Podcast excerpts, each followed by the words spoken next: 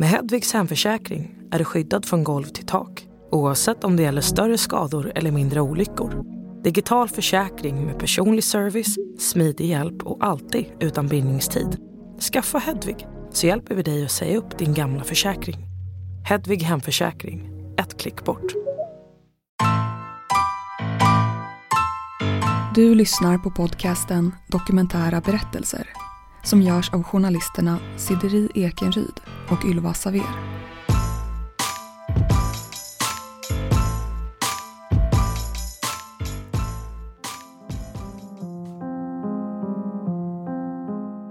Stora risker är ju till exempel eh, att det händer, händer något i livet. Att en stor kris kommer, till exempel att man förlorar någon man älskar eller att man blir av med jobbet eller slutar jobba eller förlorar mycket pengar eller blir utsatt för brott till exempel. För vi såg ingenting när vi umgicks med henne på, på den där semesterresan vi gjorde heller. Alltså, det var, syntes inte något spår. Eh, vi kunde inte tyda någonting att det var något illa.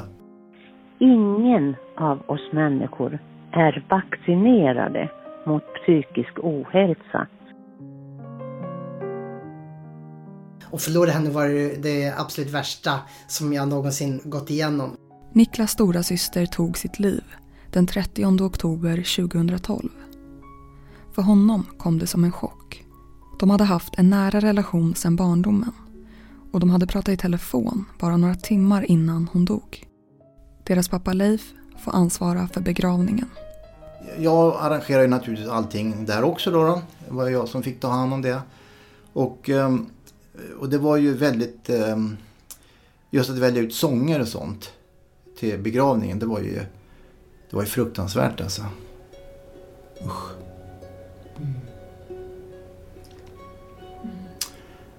Ja, och så, men på själva, när vi väl till slut fick ihop begravningsakten då, då på papper då, då med, så, så, så um, jag kommer så väl ihåg begravningen. Vi använde pennor. Så vi hade en ljus kista. Och sen så delade jag ut pennor. Och så istället för att folk skulle stå fram och prata så fick de skriva på kistan. Och det var ju en hit alltså. Att de fick skriva en sista hälsning på kistlocket. Så folk stod och skrev där på, på, på kistan. Och, och, och, så att ja, det var, det var ju ja, det, var, det, var väldigt, det var väldigt fascinerande. Det kan jag rekommendera andra. Mm. Ta med sådana här permanenta pennor och, och låt folk skriva av sig istället för att prata av sig. Mm det, det, jag tror många tyckte det. De kom fram efteråt och tyckte det var så skönt att få skriva. Ja. Istället för att stå där och prata och säga hej, ja, ja. Det, vara tyst istället och skriva vad man känner. Ja. Det, var, det var väldigt eh, skönt för många tyckte de.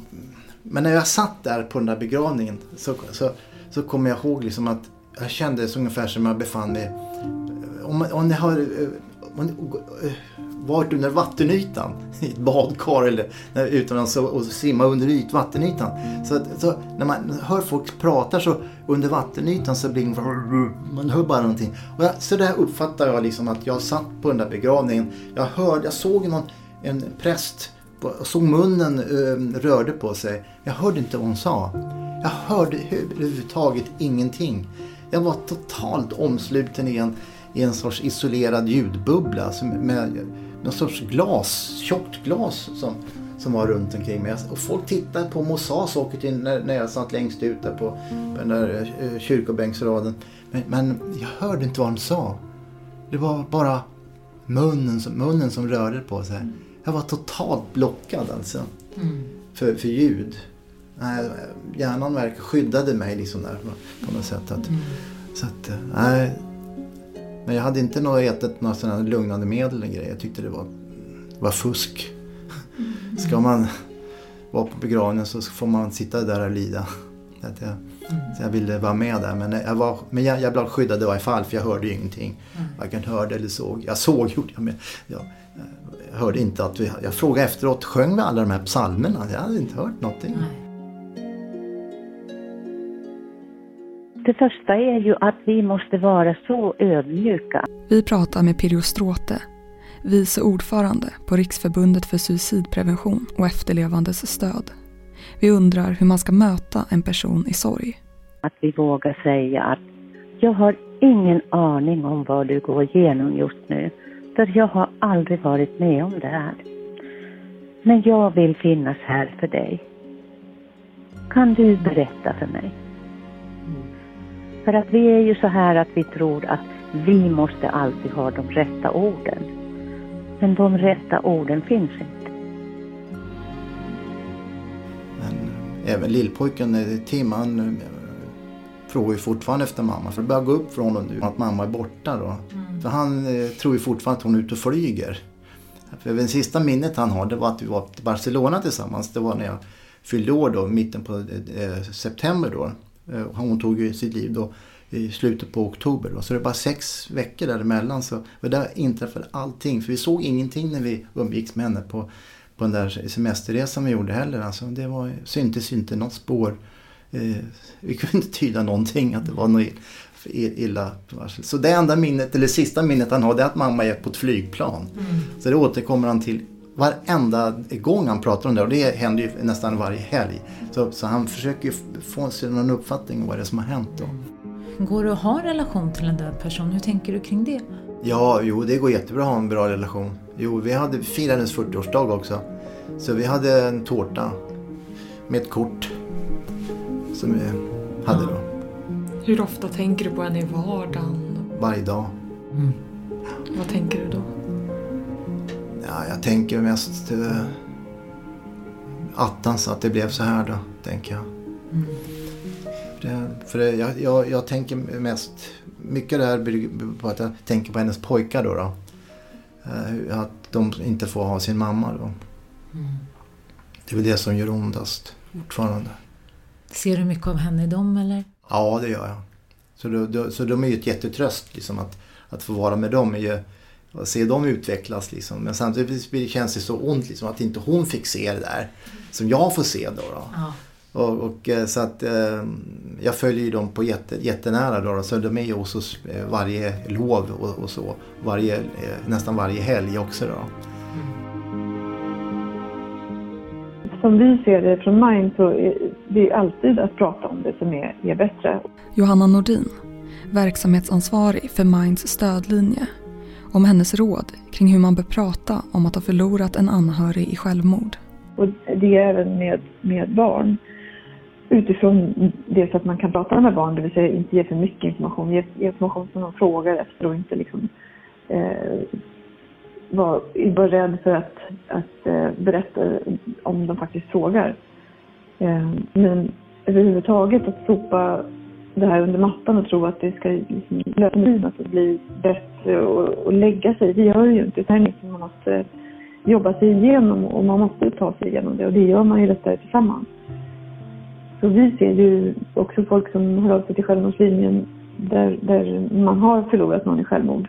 Det finns mycket att jobba med där. Det finns väldigt mycket eh, skam och skuld. Det finns väldigt mycket ilska. Det finns en besvikelse över att inte har liksom fått frågan om att kunna hjälpa till. Och det kan finnas alla möjliga tankar kring att man har eh, verkligen försökt och, och känner att det, inte ens det jag gjorde hjälpte till att jag visste ingenting. Hur kunde det här hända utan att jag kunde veta någonting?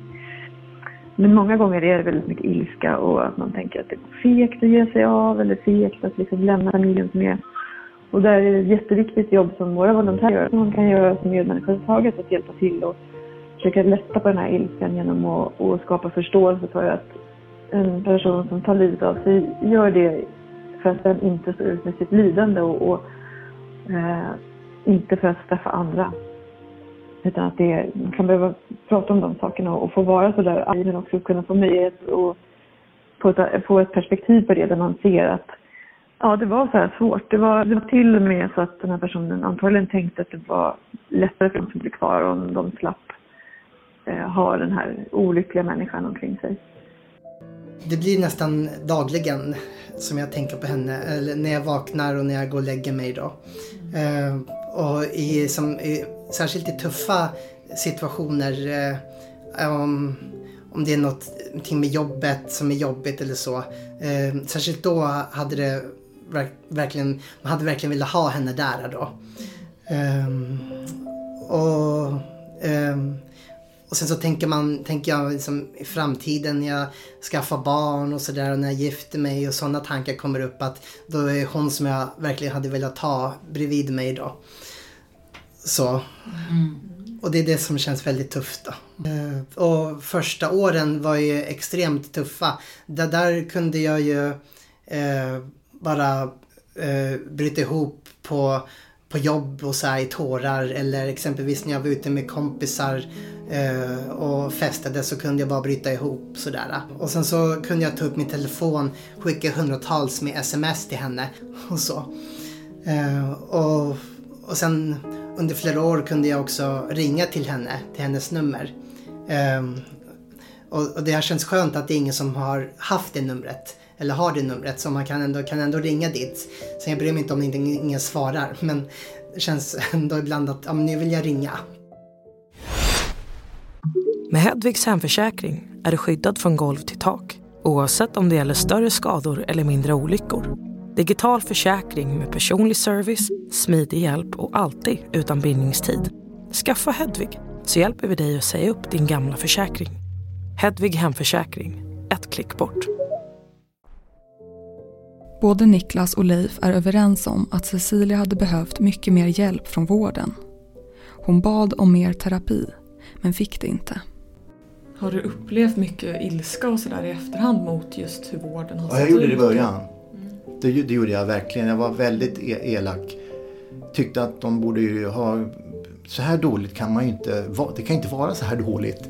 Att, det inte, att man inte kan få den vård man behöver just med KBT och sånt och även att det här medicinska stödet då, då att man eh, inte kan, att det inte finns mediciner. Jag trodde ju att det fanns mediciner som man kunde få när det är som värst. Men det visade sig att det fanns ju inte det.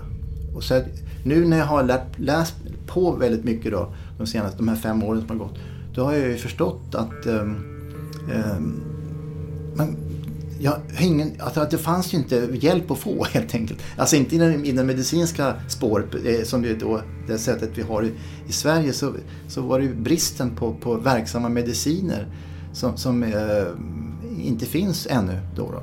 Så, så, och, och, då när jag insåg att de, att eh, de här läkarna på allmäncentral, på vårdcentralen, de har ju liksom inte tillräckligt med verktyg för att reparera människor.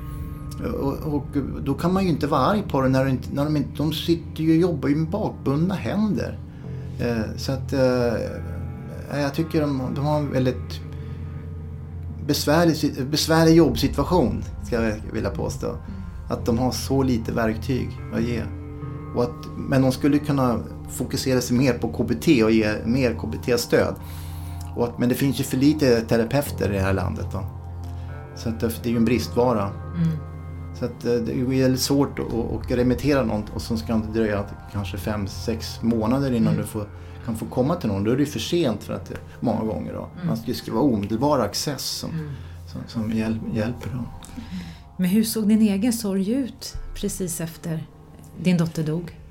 Ja, alltså den, eh, den blir ju väldigt, eh, alltså jag brukar säga så här, sorg, det som efter ett suicid, det blir på något sätt extra besvärlig. Därför att eh, man inte förstår de här basfrågorna. Varför? Eh, vad, vad, är det som har hänt och hur kunde du? Och, eh, och sen så den här frågan, varför kunde inte sjukvården göra någonting? De här tre basfrågorna som bara rullar runt. Liksom. Till slut så, så man kan inte sova då heller då. Eh, man, man, och man får ju liksom på något sätt eh, sån här, jag kallar det för känslotsunamis. Eh, liksom man, man, eh, de första tiden var de här tsunamin, de börjar från fötterna och så, så skakar upp som en våg så här och sen så fastnar det liksom som ungefär som någon som håller på och stryper dig så här. Och så, så du får ingen luft. Alltså det är ju eh, vad doktorerna skulle kalla för ångest då. då. Så man får ju sådana här extrema ångestattacker. Och de var ju väldigt eh, långa i början då. Där man, liksom, man, man visste inte var man skulle ta vägen. Alltså jag vet inte hur många varv jag gick mellan, eh, i, i lägenheten mellan köket och stora rummet i, runt i varv och slog på, på väggar och, och, och, och dörrar liksom. Usch. Men har den sorgen, det låter som att du har jobbat med sorgen genom att söka mer information. Ja, det har varit mitt sorgarbete. Att bli informationssökare och försöka få ett pussel Och vad det var, vad det var som, som hände i hennes hjärna då. Som, som var så svårt att tolka. För jag, jag brukar använda en bild liksom när man vi, vi, vi får ofta höra liksom att um, i filmer och grejer, bara jag tar ett exempel så, så kan jag inte titta på den här eh, filmen som alla tycker är bra, Mannen som heter Ove. Därför att han häng, skulle ju hänga sig där, för att han var ju så ensam, för hans fru hade ju försvunnit bort eh, från hans liv. Och, och den, där, eh, den där enkla förklaringen till ett självmord, jag, att man då blir ledsen för något, eh, mobbad i skolan. Så här. Det, är ju, det är ju bara, det är bara liksom toppen av det lilla isberget. Och sen är det ju, eh, eh, nio tiondelar av isberget är under ytan och det är det sånt som vi inte ser. Mm. Och, eh, så att eh, när man frågar hur någon mår och tittar på dem så här, ja då ser man det där, den här eh, toppen bara på isberget och så har vi så svårt att förstå att det ligger så mycket annat bakom. Så att vi, vi- men vi människor söker ofta med enkla förklaringarna. Att man inte hade bra ekonomi eller att man var mobbad eller någonting sånt. Då, då. Och, och det, är- det är liksom bara en faktor. Det är den sista faktorn du kanske ser. Men det fanns så mycket, mycket mer krävs än det här sista mobbingen eller vad det kan vara. Så, för att utlösa din, ditt självmord. Ja, för jag tänker på det när du berättar att eh, man förstår ju att du har forskat mycket kring det här biologiska och hennes diabetes och allt det här. Tror du att det fanns någon ytterligare sårbarhetsfaktor i hennes liv som hon har varit med om utöver det? Ehm, ja, alltså för första så bakom alltihopa det här så finns, är det genetik då, då. Det ligger ju i botten då. då. Och eh, det här evidensbaserade att man har en, en, en sårbarhetsgen som inte är så välkänd här i Sverige då. Utomlands är den väldigt välkänd. Den som heter 5-HTTT-genen då. Och eh, det är en skadad gen som för serotonin. Och, och den, den ligger ju bak där och spökar hela tiden då. då.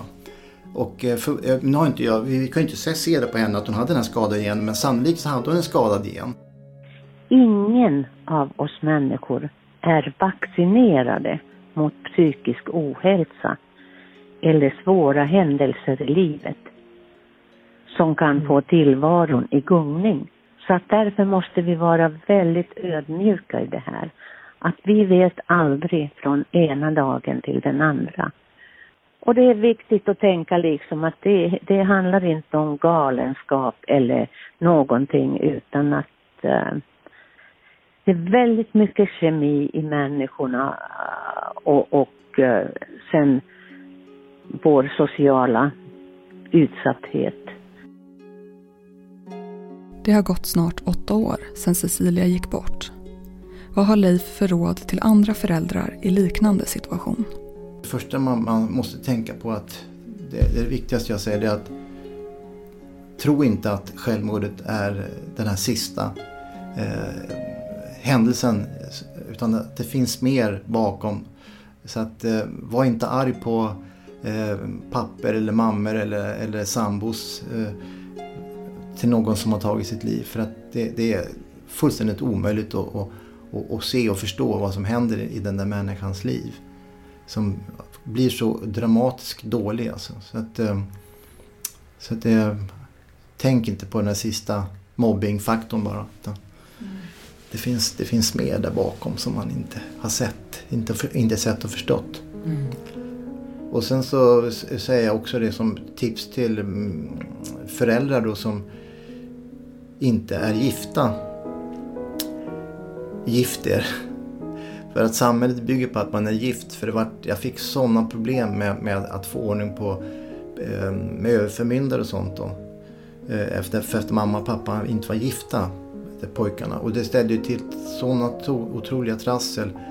Eh, jag fick eh, lägga ut eh, jag tror, 25 000 spänn till en jurist som skulle skriva upp ett papper till överförmyndaren om hur, hur, hur att pe- poj- pojkarnas pengar från huset skulle då vara innestående som en sorts fordring.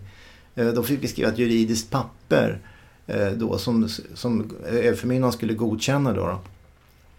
Och eh, allt det där hade man ju sluppit. Eh, Hela den här fasen med överförmyndarna, den hade man ju eh, sluppit då, då med försäkringspengar. Jag tror, att de hade fortfarande blivit inblandade för att pappan, eftersom de var minderåriga då, men just den här eh, juridiska när det gäller att fördela pengar. För nu fick pojkarna hälften av mamma då. då.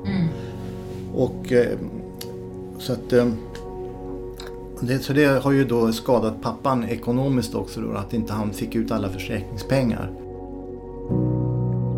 Så vad behöver då en person i sorg? Piriostråte igen.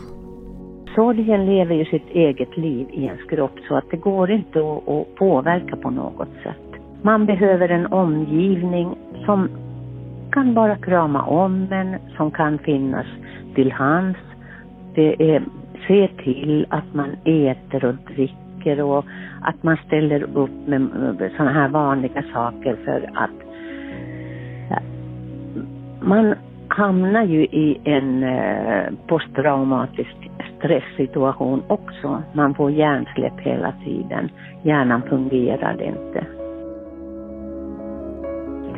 Nej, men lite allmänt sådär att man inte... Johanna Nordin, verksamhetsansvarig för Minds stödlinje. Man tror många gånger att det är så svårt att ha ett medmänskligt samtal. Eller det som vi kallar för medmänskligt samtal där man liksom går lite djupare och pratar eh, om hur det är på riktigt. Eh, men, och att man ofta där tror att man behöver ta över ansvaret och liksom lösa folks problem om man börjar prata om någonting. Det är ju ofta det som gör att vi hindras i det. Eh, och där vi har sett att många gånger så är det inte det man vill heller. Om man har det svårt och jobbigt så vill man ju bara berätta att någon kommer med färdiga lösningar eller råd som man inte har bett om. Utan tanken mer att finnas som ett bollplank, lyssna och hjälpa till att sätta ord och känslor och bekräfta hur det känns. Att, att liksom, det är inte så svårt egentligen utan man, må, många gånger så klarar man av det mycket bättre än man tror. Och, och det kan vara svårt första gången kanske, men man kan träna. Men det är också någonting som ger väldigt mycket mer i livet, att man får ha de här samtalen som är lite viktigare. För det är roligare att, göra det än att prata om senaste resorna man har varit på eller eh, någonting på jobbet. Det, det, det ger väldigt mycket tillbaka om man vågar vara lite mera, ja, våga fråga lite djupare, våga vara lite mera i riktiga samtal med de man träffar. Så det är liksom en uppmaning till alla vuxna som känner att man vill utvecklas lite grann. Att det finns mycket att göra där, att lära sig mer om, om människor runt omkring sig om man vill vara lite nyfiken. Att eh, nu då ens syskon, om man ser exempelvis eh, ja, eh, tecken på att personen verkar må dåligt, kanske bara verkar trött eller så vidare. Att man eh, verkligen att man pratar med den eh, personen, eh, sin, sitt syskon då och att man eh, eh vänder sig exempelvis till någon eh, organisation där man, där man förklarar hur ens eh, syskon mår och, och eh, så att man ser till att den personen att, att tas på allvar direkt. Att personen mår psykiskt dåligt. Så alltså att man inte hamnar den situationen att man bara tror kanske att eh, personen är trött, men det är nog ingenting. Eh, utan att man ser till att, att ta tag i det direkt. Vad har du för råd till andra som är syskon till någon som precis har gått bort så här?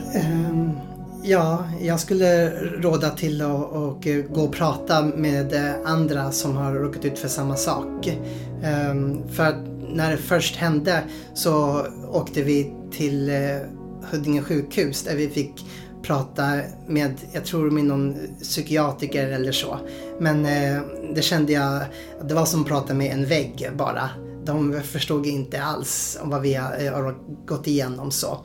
Eh, men sen när min pappa lyckades få kontakt med SPES och på första så kallade syskonträffen, jag vill träffa andra som har förlorat sina syskon. Då kände jag verkligen att men det är här som jag kan få bäst hjälp att bearbeta min sorg. Um, och det var verkligen jätte, jättevärdefullt att, komma hit till SPES. Mm. Det var det bästa. Och då satt ni i grupp och pratade? Ja, satt vi i grupp eh, och bara liksom, syskon, ungdomar då.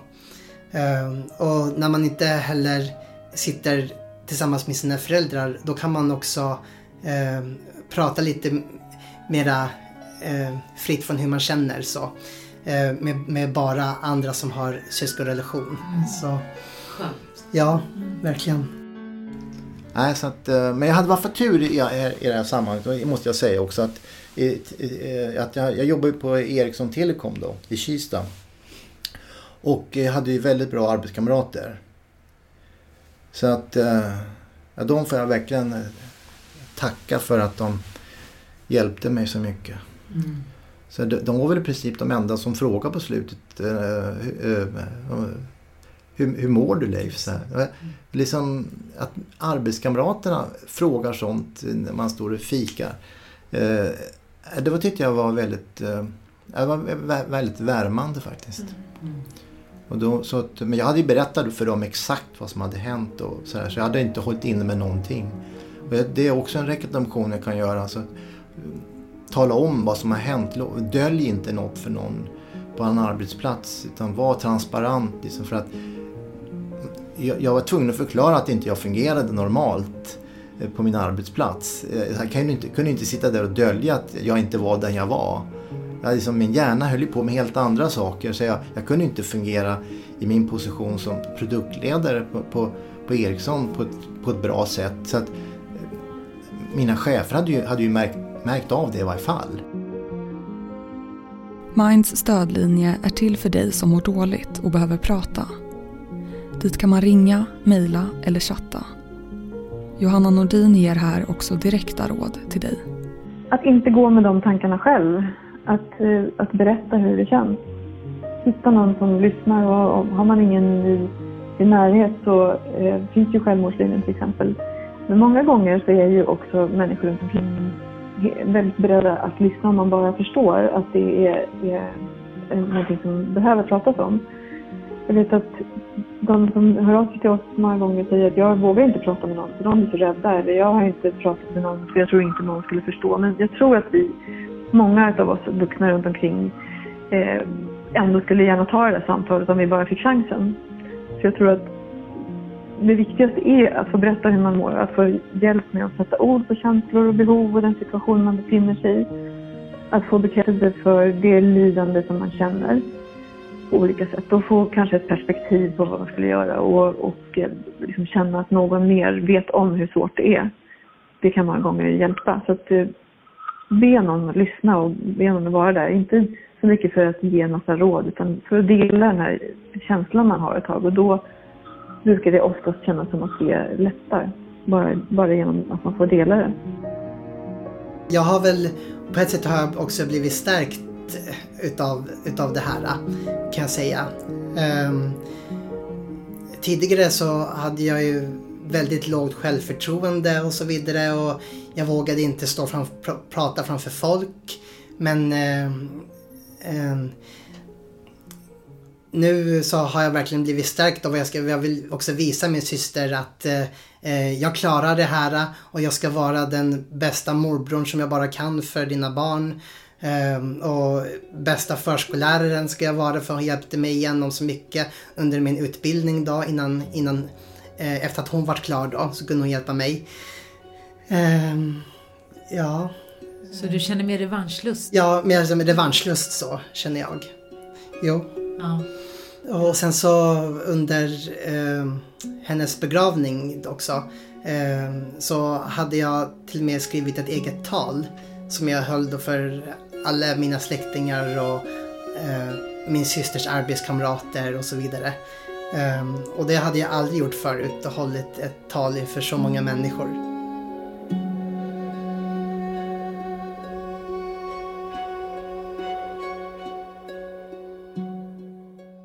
Du har lyssnat på den andra delen av Saknaden efter Cecilia. Vill du komma i kontakt med oss som gör den här podden? Mejla till kunskapsstudion gmail.com.